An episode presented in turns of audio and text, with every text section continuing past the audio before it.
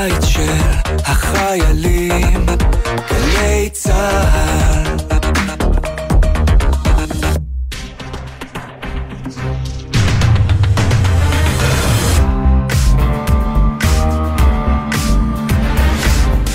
שלום לכם, ערב טוב. ברצועת הביטחון הערב, סקר עמדות הציבור ביחס למחאת המילואימניקים והתובנות העולות ממנו. ספוילר, כלכלן, רוב הציבור רואה בחומרה אי התייצבות לצו 8. וגם ולא בלי קשר, דחיפות רבה ועצימות גבוהה לתקיפות כוחות איראניים בסוריה בימים האחרונים, תקיפות המיוחסות לישראל. מי היעד שם והאם ישראל הולכת על הסף? איתכם טלי ליפקין-שחק ברצועת הביטחון, עכשיו. שלום לך, אלוף משנה במילואים דוקטור ערן שמיר בורר, מנהל המרכז לביטחון לאומי ודמוקרטיה במכון הישראלי לדמוקרטיה. ערב טוב לך. ערב טוב טלי וערב טוב למאזינים. ונזכיר שהיית אה, ראש מחלקת הדין הבינלאומי בצה"ל, זאת אומרת משפטן, אבל אנחנו מבקשים אה, לדבר בשעה הזאת על אה, כנס שהתקיים ממש היום במכון הישראלי לדמוקרטיה. וכותרתו מתייצבים לדגל, שולחן עגול בנושא מחאת משרתי המילואים נגד יוזמות החקיקה של הממשלה. כנס שבמסגרתו ועל בסיסו או בבסיסו סקר מעניין ביותר שאתם עשיתם ביחס לעמדות הציבור, למה שאנחנו קוראים בשם, בשם כאילו הפשוט הזה, מחאת המילואימניקים, זה הרבה יותר מורכב מזה כמובן. אז כותרת, אם יש?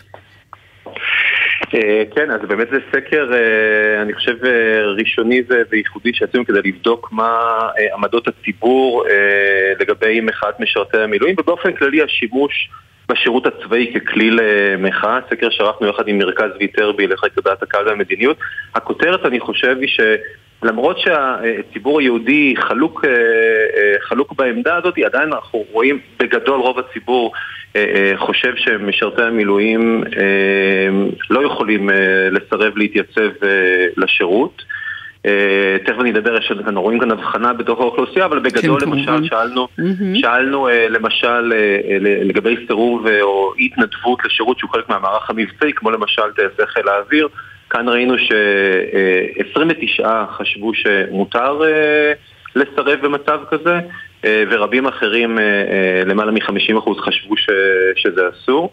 אבל עדיין אני חושב שגם הנתון ש, שחושב שמותר הוא עדיין נתון די גבוה, אני חייב לומר מבחינתי אפילו גבוה בצורה מפתיעה חשבתי. שאלנו גם לגבי סירוב להתייצב לאימונים שגרתיים, וכאן 24% מהנשאלים חשבו שמותר לסרב להתייצב, וגם שאלנו על אי התייצבות במצב של לחימה, מה שקרוי צו 8.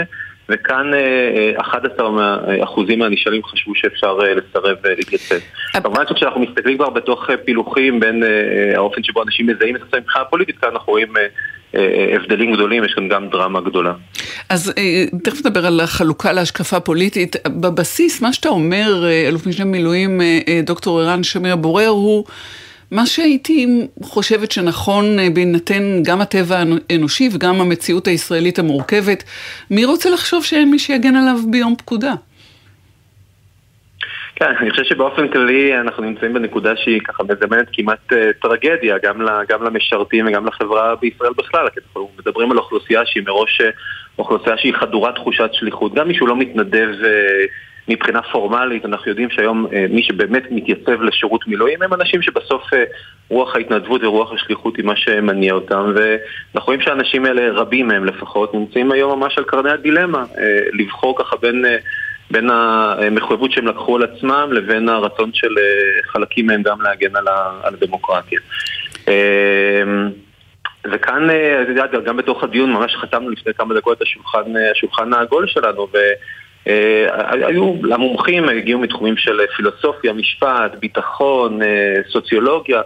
אני חושב שהם היו מאוחדים בדאגה מההשלכות העתידיות שיכולות להיות למצב שאנחנו נמצאים בו, גם אם היו חלוקים ביניהם לגבי השאלה אם המהלך הזה הוא לגיטימי, לגיטימי היום. אחת ההשלכות המעניינות למשל שהצביעו עליו זה שאמר מישהו, אה, אחד ממשרתי המילואים אגב, שהזמנו אותם לכס, הוא אמר מילואים זה כמו משפחה, ואנחנו עכשיו נמצאים במצב שהוא ממש קרע בתוך, אה, בתוך המשפחה, ושאל מומחה אחר מה זה יעשה, את יודעת, בתוך יחידת מילואים, כשחלק מהאנשים הם מצדדים במחאה ואחרים לא, האם הם יוכלו לחזור ולהיות אחים לנשק גם, גם בהמשך. והתשובה, אם יש אחת? אני חושב שבמצב הזה לאף אחד אין תשובה, וזה אולי מחדד עד כמה אנחנו צריכים להיות זהירים כשאנחנו את ה... לוקחים את הסיכון בעניין הזה. כאן מעניין אגב לראות אה, איך הציבור חלוק גם בשאלה איך הצבא צריך להגיב או, לביטויים. תכף, תכף נגיע לזה. אני, אני, אני רוצה להגיע למה צריכה להיות תגובת צה"ל, זה מרתק אה, לנסות אה, לבחון את, נזכיר, את הציבור הישראלי היהודי. בנקודה הזאת, אבל עוד לפני זה, בעניין חלוקה להשקפה פוליטית. כן. אה, גם בנוגע למשרתי החובה, אה, וגם, וזה אולי הדבר שמטריד אה, מאוד, האפשרות או ההיתכנות של מהלך הפוך. זאת אומרת של החלטה שתיתקל בסרבנות מהסוג הזה בימין. כן, אז כאן באמת, אה, כאן באמת הדברים מעניינים. אנחנו, אנחנו שומעים הרבה בשיח הציבורי, נכון שחלק מהמזהירים נגד המחאה הנוכחית, הם אומרים היום אה, המחאה באה מכיוון אחד, ומחר היא יכולה גם להגיע מכיוון אחר, וזו עוד סיבה ש, שהם מדגישים אותה כדי לומר עד כמה צריך לשמור את צה"ל אה, נקי מתוך הדברים האלה. כאן דווקא הופתענו כי הייתה תמימות דעים יחסית בקרב הציבור, שרבים חושבים שלא תהיה מחאה הפוכה. אה, למשל אם החקיקה אה, אה, תרוכך או לא תקודם. אז כאן למשל למעלה מ-50% מהציבור חשבו שהסיכויים למחאה דומה הם נמוכים בסך הכל. אני אומר את זה בין היתר גם על הרקע, את יודעת, המכתב שפורסם, מעין עצומה כזו של אנשים במערך הטכני של חיל האוויר, אני יודע שאחרי זה גם הטילו ספק במידת המהימנות שלו, אבל כאן דווקא הציבור רובו לא מעריך שתהיה תגובה כזאתי. 28% חשבו שהסיכויים למחאה כזו היא, אה, היא אה, גבוהה. אה, אבל בסך הכל דווקא כאן ראינו פחות, פחות הבדלים. יכול להיות שזה כן מבטא איזושהי הכרה מסוימת שאנחנו נמצאים באמת בנקודה שהיא נקודה מאוד מאוד מיוחדת והיא לכן גם זימנה אולי תגובה שהיא תגובה חריגה גם בהשוואה למחאות קודמות של אנשי מילואים מן העבר זימנה מחאה שהיא יחיד, חריגה. מעניין הוא כן שרבים ממין הנשאלים ומרביתם סבורים שהמחאה הזאת כשלעצמה יכולה אה, להשפיע. זאת אומרת, האפקטיביות שלה איננה מוטלת בספק, אבל הדילמות אה, אה, של הפעלתה של, הפעלתו של המנוף הזה אה, אה, קיימות. אז מה, מה צריכה להיות תגובת צה"ל? אני, כן. אני, אני אולי אוסיף נקודה, היא כן. מעניינת הנקודה הזו, כי כאן לכאורה השאלה הזאת, צריך לומר, את הסקר אנחנו שאלנו, אה, שאלות הובאו לנשאלים בין יום ראשון ליום שלישי, ימים מאוד דרמטיים, אני מזכיר, בשבוע שעבר. בתוכם היה גם את הפיטורים של שר הביטחון גלנט וגם ההודעה של ראש הממשלה שהוא משה את תהליך החקיקה. ועדיין חשבנו שכששאלנו את השאלה הזו, האם המחאה היא בעצם אפקטיבית, היינו בטוחים שזה כבר, את יודעת, איזה מין הבחנה כזאת לגבי המציאות, ורבים דווקא יחשבו שכן, בוודאי שהיא אפקטיבית, בסוף זה הביא לזה ש... לכל הגלגל הזה, ש... הכדור הזה ש... שהתגלגל כאן. אבל כאן זה מעניין מאוד שאנחנו ראינו הבדל מאוד מאוד דרמטי בין אנשים נשאלים שהם עצמם השתתפו בביטוי המחאה הציבורית, האזרחית, יצאו להפגנות, יצאו לרחובות, והם חשבו שגם מחאת משרתי המילואים כשלעצמה היא, היא באמת מאוד מאוד אפקטיבית, יכולה להיות מאוד מאוד אפקטיבית, לבין אנשים שלא לקחו חלק במחאה, mm-hmm. והם דווקא חשבו שהמחאה היא לא, לא אפקטיבית. טוב, זה, מעניין, זה כן, די טבעי. המקום שבו אדם נמצא, כן, המקום שבו אדם נמצא בהקשר הזה, מאוד השפיע על ההערכה שלו של האפקטיביות. הכל מפוזיציה. כפי שאומרים, ובכל זאת אני רואה, אה, כן, זה 75, 71 אחוזים בין הנשאלים שלקחו חלק כמובן. אה, אז, אז כן. באמת, מה צריכה להיות תגובת צה"ל? אז כאן זה גם, זה גם מעניין. אמ, אנחנו שאלנו את השאלה הזו בשני, אה, בשני שלבים. ראשית, איך, איך צריכים המפקדים בצה"ל להגיב אם רק הודיע איש מילואים שאם הוא ייקרא הוא לא יתייצב, כלומר הוא בעצם איים אבל עדיין לא מימש, וגם שאלנו את השאלה ומה קורה אם הוא לא מתייצב אה, בפועל. וכאן זה מעניין שהציבור הוא הרבה יותר אה, ניואנסי ורגיש על ההבדלים האלה אולי ממה שהשיח הציבורי והשיח הפוליטי בישראל מאפשר, ששם שמענו באמת ככה הרבה הצהרות חריפות מאוד מצד גורמים, גורמים בצד הימני של המפה. הפוליטית שצריך אה, לשפוט את האנשים, להדיח אותם, להעיף אותם, וכאן הציבור עושה הבחנה. אז לגבי המצב שבו אה, משרת המילואים רק הודיע אבל עדיין לא התייצב, אז חשבו רק 27% מהציבור שצריך להדיח אותו מיידית, וחלק מאוד מאוד משמעותי, 46% חשבו שצריך לקיים את השיחה, לשכנע אותו להגיע, להגיע לשירות כשהוא בעצם בפועל ייקרא, ועוד 13% חשבו שצריך להבליג ולהכיל את עמדתו. כך למעלה מ-50% חשבו שבעצם צריך לנקוט מה שנקרא יד רכה ומכילה ומחבקת בעניין הזה. לעומת זאת, אנחנו תיארנו כבר את הסיטואציה שממש איש המילים כבר לא מתייצב, כלומר האיום שלו כבר ממומש ואני מניח שכבר יש, יש לזה איזושהי משמעות אה, ביטחונית, אז כאן כבר השיעור של האנשים שחשבו שצריך לנקוט הליכים משפטיים, משמעתיים, פליליים נגד המשרת כבר הרבה יותר גבוה, 40 אחוזים, 20 אחוזים חושבים שצריך להדיח משירות המילואים, כלומר 60 אחוזים חושבים שצריך לנקוט אה, יד שהיא יחסית יד, אה, יד קשה. בעוד שרק כ-20% חשבו שצריך להבליג ולהכיל את, ה, את העמדה. כן. וזה כמובן בצד הציבור, גם כאן אנחנו כמובן רואים הבדלים בתוך, ה, בתוך המחנות הפוליטיים. מן הסתם, אלוף משנה במילואים, דוקטור ערן שמיר בורר, מנהל המרכז לביטחון לאומי ולדמוקרטיה במכון הישראלי לדמוקרטיה. תודה רבה לך. שלום. תודה רבה, טלי, ערב טוב. ערב טוב. וכאמור, עם או בלי קשר, אבל כן עם הרבה מאוד קשר לשאלה הראשונה שעסקנו בה ושאנחנו עוסקים בה כל העת, מצבנו הביטחוני. שלום לך שלמה מופז, מנהל מרכז המידע למודיעין ולטרור על שם אלוף מאיר עמית, ערב טוב. ערב טוב, טלי. אנחנו מדברים על רקע תקיפות תוכפות של, שמיוחסות לישראל בסוריה בימים האחרונים, ואתם מוציאים ממש היום, כמדומני, מסמך שבו פירוט מי הן המיליציות הפרו-איראניות האלה בסוריה, שהן היעד לתקיפות הללו? המיליציות הפרו-איראניות בסוריה הן אחד היעדים, אבל צריך להבין שהמיליציות הפרו-איראניות בסוריה, אנחנו מדברים על סדר גודל של למעלה מ-60 אלף איש, שהן תערובת של אנשים שגויסו על ידי משמרות המהפכה, כוח קוץ של משמרות המהפכה, ואנשים שהגיעו מעיראק, אפגניסטן, פקיסטן וכל האזור הזה, הכל בהכוונה של, של כוח קודש של משמרות המהפכה. חוץ מזה יש את הכוחות של משמרות המהפכה עצמם, וחוץ מזה יש גם את חיזבאללה אה, בתוך אה, סוריה. זאת אומרת, יש פה עירוב של הדברים. אנחנו התמקדנו במחקר הזה על המיליציות הפרו-איראניות, אבל mm-hmm. כולם משתפים פעולה. הם מוטמעים, הם נטמעו בתוך צבא סוריה, הם חלק מצבא סוריה, המיליציות האלה, וכמובן גם חיזבאללה וכוח קוץ יושבים בתוך יחידות צבא סוריות, בעיקר במזרח סוריה, בצפון סוריה, אבל גם ברמת הגולן. כאשר uh, הנוכחות שלהן, uh, לפחות במקור, היא על בסיס התואנה. להבטיח את המשך שלטונו של הנשיא, הנשיא בשאר אל-אסד. והגנה על המקומות הקדושים לשיעה. וזה מרמז להבנה שהנשיא הסורי מאוד מעודד את הנוכחות הזאת. וזה אולי גם מסביר את האופן שבו המקומות, הנוכחות הזאת הופכת ליעד לתקיפה. אה, של, של ישראל, משום שבכך מזכירים אה, לנשיא אסד אה, ולסורים עצמם מה המחיר של האירוח הזה. בהחלט. השילוב פה, השלבים של הכניסה של הכוחות הזרים האלה לסוריה, אנחנו מדברים על תחילת מלחמת האזרחים 2011, mm-hmm. זה התחיל במאות ואלפים, בעיקר יועצים וכוחות.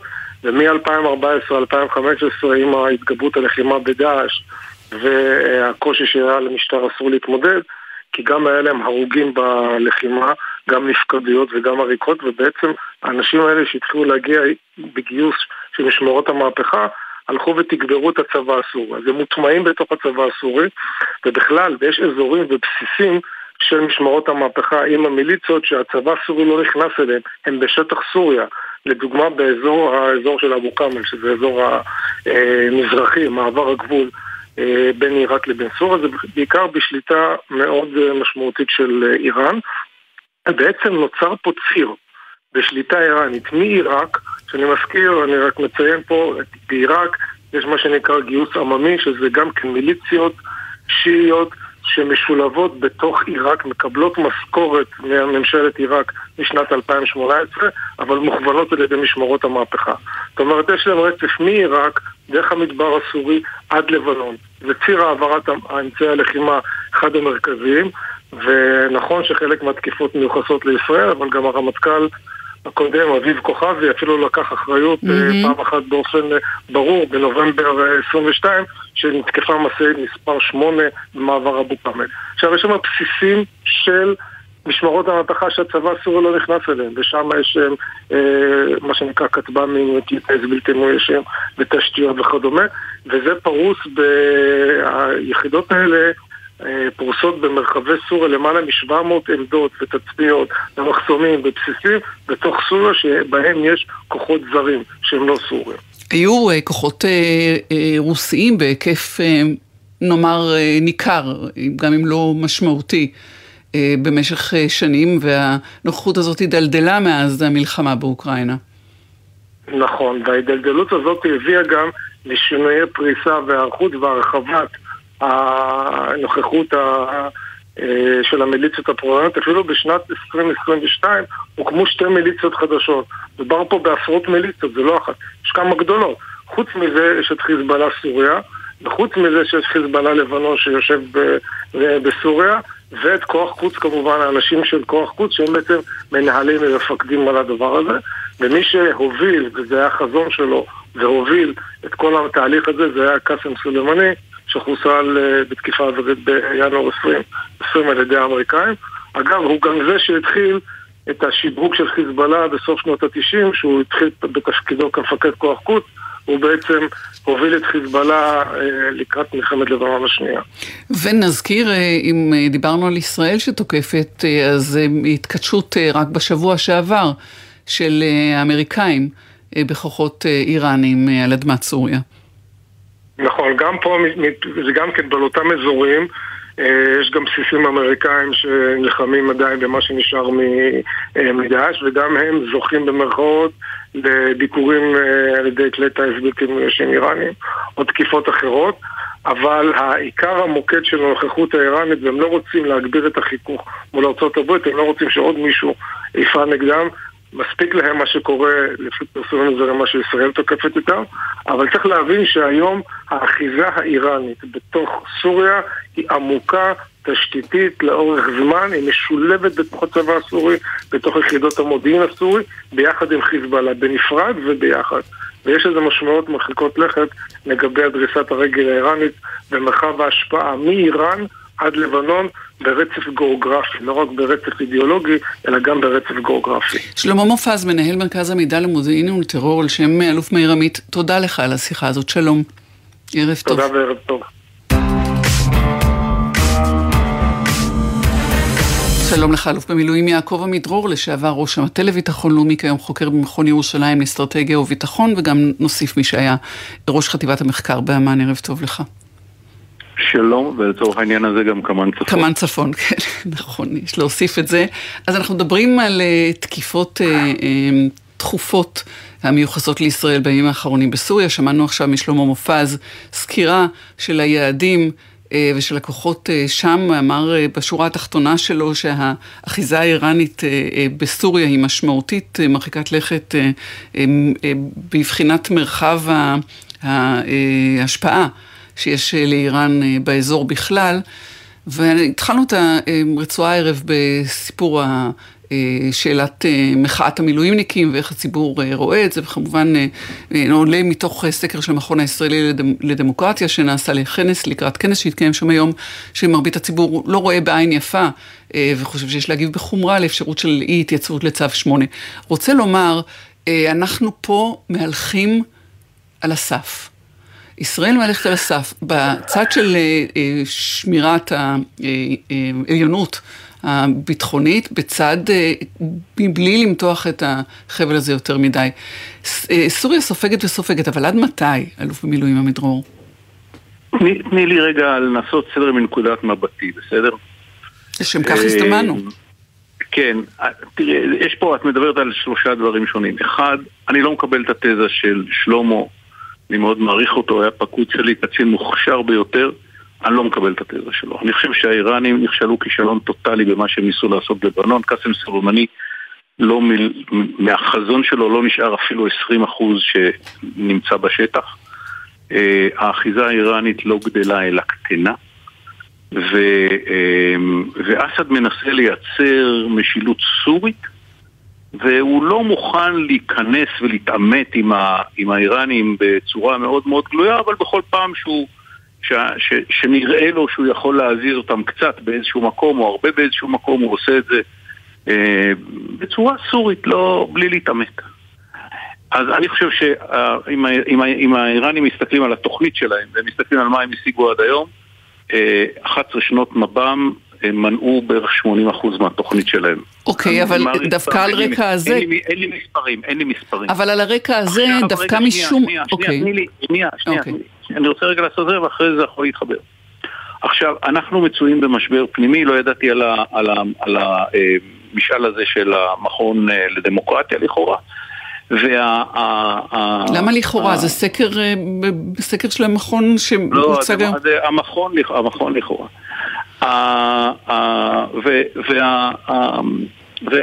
איך מגדירים מכון לכאורה? נדבר בהזדמנות אחרת. לא הייתי, לא הייתי מצטרפת ל... לא. בסדר, בסדר, עקיצה שלא יכולתי להתאפק ממנה. מיותר. כן. מיותרת, מיותרת. הבעיה שנוצרה פה היא שנדמה היה אולי למישהו בחוץ ממקבלי ההחלטות, שבגלל הבעיות הפנימיות שיש לנו, והן בעיות קשות, אני לא, חס ושלום לא מזלזל בהן, הן באמת בעיות קשות ואני שמח לתוצאה של המשאל. אמ, היה נדמה אולי שאנחנו אה, מנועים, לא יכולים, מתקשה להגיב. ומה שמחבר את כל הדברים האלה ביחד זה האירוע שהיה ליד מגידו. שפה מישהו פרץ את הגדר, הצליח להגיע לתוככי מדינת ישראל, להניח מטען מאוד משוכלל. לא חשוב, בסוף הוא חוסל בדרכו החוצה, אבל האירוע כשלעצמו מבהיר עד כמה הצד השני מוכן לקחת סיכונים. דווקא בגלל המצב הפנימי, אני חושב שנכון עשתה מדינת ישראל שהיא מאותתת, אני חושב שאני לא יודע אם היא גמרה לאותת, אני לא אתפלא אם היא לא גמרה לאותת, שהיא מאותתת לצד השני, היי, אל תתבלבלו. אנחנו יודעים לפעול עם ההפגנות. הפגנות זה חלק מהדמוקרטיה במדינת ישראל, זה לא יפריע לצה"ל לפעול. והפעולות האלה מטרתן, לעניות דעתי, להבהיר לצד השני שאנחנו לא מוכנים לחיות בנוסחה שהוא ניסה לבנות לנו במגידו, הוא יפעל מתחת לרדאר ואנחנו נשתוק. ו- והתגובות האלה מטרתן לייצר את, ה- את התמונה החדשה שאנחנו רוצים ליצור בניגוד לחיזבאללה. עכשיו, למה אני אומר את זה במידה מסוימת של הסתייגות? כי אני לא יושב בחדרים שבהם מתקבלות ההחלטות. אבל במשחק מלחמה שעשה אמ, מכון אה, אמ, לביטחון לאומי, ה-INSS, לפני שלושה שבועות, הם שמו תרחיש דומה. אני הייתי נציג ישראל, היה גנרל אמריקאי ארבעה כוכבים, היה שגריר במדינה אירופאית, והם שמו תרחיש של תקיפת ישראל משלושה, משלושה מקומות בכטב"מים, והשאלה הייתה מה לעשות.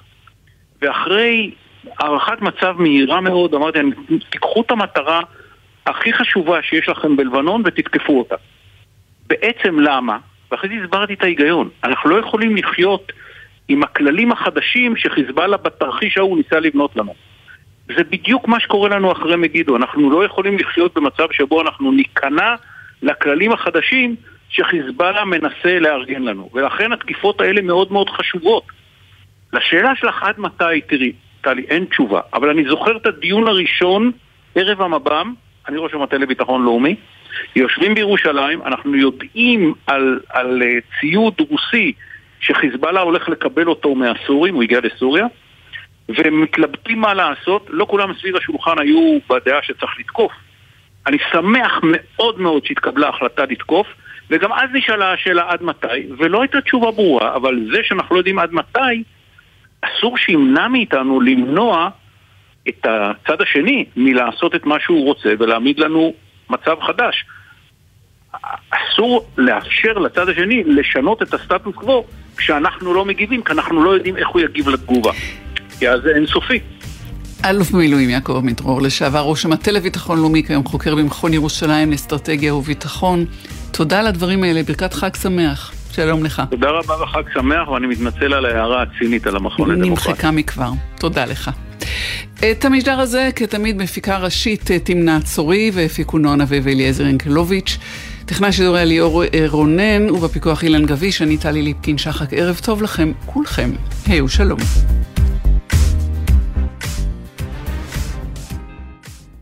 בחסות אוטודיפו, המציעה מצברים לרכב עד השעה תשע בערב בסניפי הרשת, כולל התקנה חינם.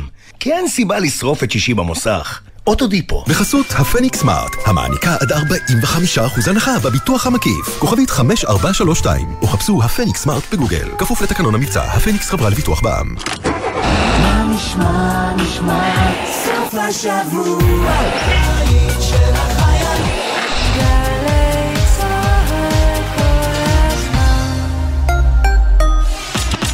חופשת אביב בירושלים. מוזמנים לחוויה משפחתית לכל הגילים בירושלים. בשילוב מושלם של עיר וטבע באווירה אביבית. מגוון הטבות בבתי המלון ובמוקדים ברחבי העיר. חפשו בגוגל iTravel Jerusalem. עמיתי מועדון חבר, הקרוסאובר החשמלי של ג'ילי עם טווח נסיעה עד 460 קילומטר בהטבות ייחודיות השמורות רק לכם עד חמישה באפריל לפרטים כוכבית 8133 או באתר מועדון חבר חבר זה הכל בשבילך בפסח הזה כולנו נמזוג כוס לאליהו הנביא, גם ראובן שעלה מצרפת, אלכס ומרים מאוקראינה ומשפחת אדיס מאתיופיה. עשרות אלפי עולים חדשים שלפני שנה אמרו, לשנה הבאה בירושלים הבנויה, הגשימו את משאלתם. אם אתם מכירים עולים חדשים, הזמינו אותם לסדר אצלכם, כדי שכולנו נחגוג את חג החירות יחד. משרד העלייה והקליטה מאחל לכל הישראלים, ותיקים וחדשים, חג פסח שמח. הכל כדי שתרגישו בבית. חברים, יש לי מילה אחת בשבילכם. עוד. תנו לנו עוד. אני מתכוונת עליכם, הנהגים בכביש. תנו לנו עוד זמן. בקרבת מעברי חצייה, האט הוא. תנו לנו זכות קדימה, ותשקיעו עוד קצת במאמץ להסתכל לנו בעיניים. ואז... חכו עד שנסיים לחצות את הכביש. כ-50% מהולכי הרגל הנהרגים בתאונות דרכים הם אזרחים ותיקים. תנו להם עוד קצת זמן. אלה החיים שלהם. כולנו מחויבים לאנשים שבדרך, עם הרלב"ד. שלום, כאן יואב גינאי. המוסיקה ברדיו גרמה לי להבין מגמות בחברה שלנו. הסרט האחרון שראיתי בקולנוע לימד אותי על הכלכלה שלנו. והצגת התיאטרון האחרונה שעלתה לחצה לי על הנקודות הכי בוערות במדינה. כי זוהי תרבות, המראה הכי חדה לחיים שלנו. ולכן, בכל שישי בבוקר אני שואל, מה יהיה בתרבות? מה יהיה עם יואב גינאי? שישי, תשע בבוקר, גלי צה"ל. עכשיו בגלי צה"ל, המהדורה המרכזית של חדשות 13. לאחד את העם, לעצור את החקיקה ולהביא את הדברים בהידברות. אנחנו ידענו שבתוך הפורום יש קולות שונים, והרבה מאוד קולות שם שקוראים לפעולות אקטיביות, אפילו דובר שם באחת ההזדמנויות על איזשהו מרד מיסים, אבל בסופו של דבר מה שאנחנו ראינו זה באמת תגובות מאוד מאוד, כמו שאמרת, מנומסות, מתורבקות, מתורבתות, מאופקות. אבל מה שקורה בתוך קבוצת הפורום הפנימית, התכתובות שם לא משאירות מקום לספק, כולם כמעט מתבטאים בתוך הקבוצה הזאת, הם לא היו רוצים שנראה את מה שהם כתבו, בוא תראה איתי למה. משלבים ידיים, סוגרים את מדינת ישראל. לצידו של יושב ראש ההסתדרות התייצבו בשבוע שעבר חברי הפורום הכלכלי החדש. פורום של אנשי עסקים מהחזקים ביותר במשק, והם הביעו תמיכה בשביתה. אנחנו מאוד מקווים שהממשלה תתעשת לפני שהנזקים יהיו בלתי הפיכים. המסרים למצלמות חדים, אבל מנומסים, מאופקים, אולי אפילו מאחדים, אלא שתכתובות פנימיות של חברי הפורום הכלכלי חושפות את מה שהם חושבים על ראש הממשלה, על בנו, על שר המשפטים ועל שרים נוספים, ובכלל על המצב שאליו נקלעה המדינה, וכמו שמנסח זאת ויזל בתוך הקבוצה הפרטית, בחודש אחד הם הרסו את המדינה, המדינה בפשיטת רגל, בחודש. זהו גיל אגמון, קבוצת דלק רכב, הוא כותב בקבוצה, אין קו עליבות שחברי הקואליציה לא חצו. מעולם לא התביישתי כך בממשלת ישראל. דוד פטל הביע את החשש שלו מול המצלמות של חדשות 13 בקבוצה הפרטית, הוא כותב, אסור לעצור את המחאה. זה לא רק בג"ץ, זה 140 חוקים של שחיתות וגניבה. אורי לוין, מנכ"ל בנק דיסקונט, כותב, אנחנו פורום כלכלי, אבל אנחנו גם מנהיגים במדינה שדוהרת לתהום ללא מנהיג שיעצור אותה. תפקידנו ההיסטורי הוא לעשות כל שביכולתנו כדי לעצור את הנפילה לתהום. הערב צריך לנקוט פעולות משמעותיות שיעבירו את עמדתנו ושימנפו את כל הכוח שלנו, ויש לנו, לעצירת החקיקה. אזרחי ישראל אני אינני מוכן לקרוע את העם לגזרים. אין ספק שראש הממשלה הוא כוכב קבוצת פורום העסקים. כשהוא מבטיח הידברות, איתן בר זאב מקניוני ביג כותב זה לא ייגמר בהסכמות, צריך להמשיך בהתשה מבפנים. נתן חץ, הנדלניסט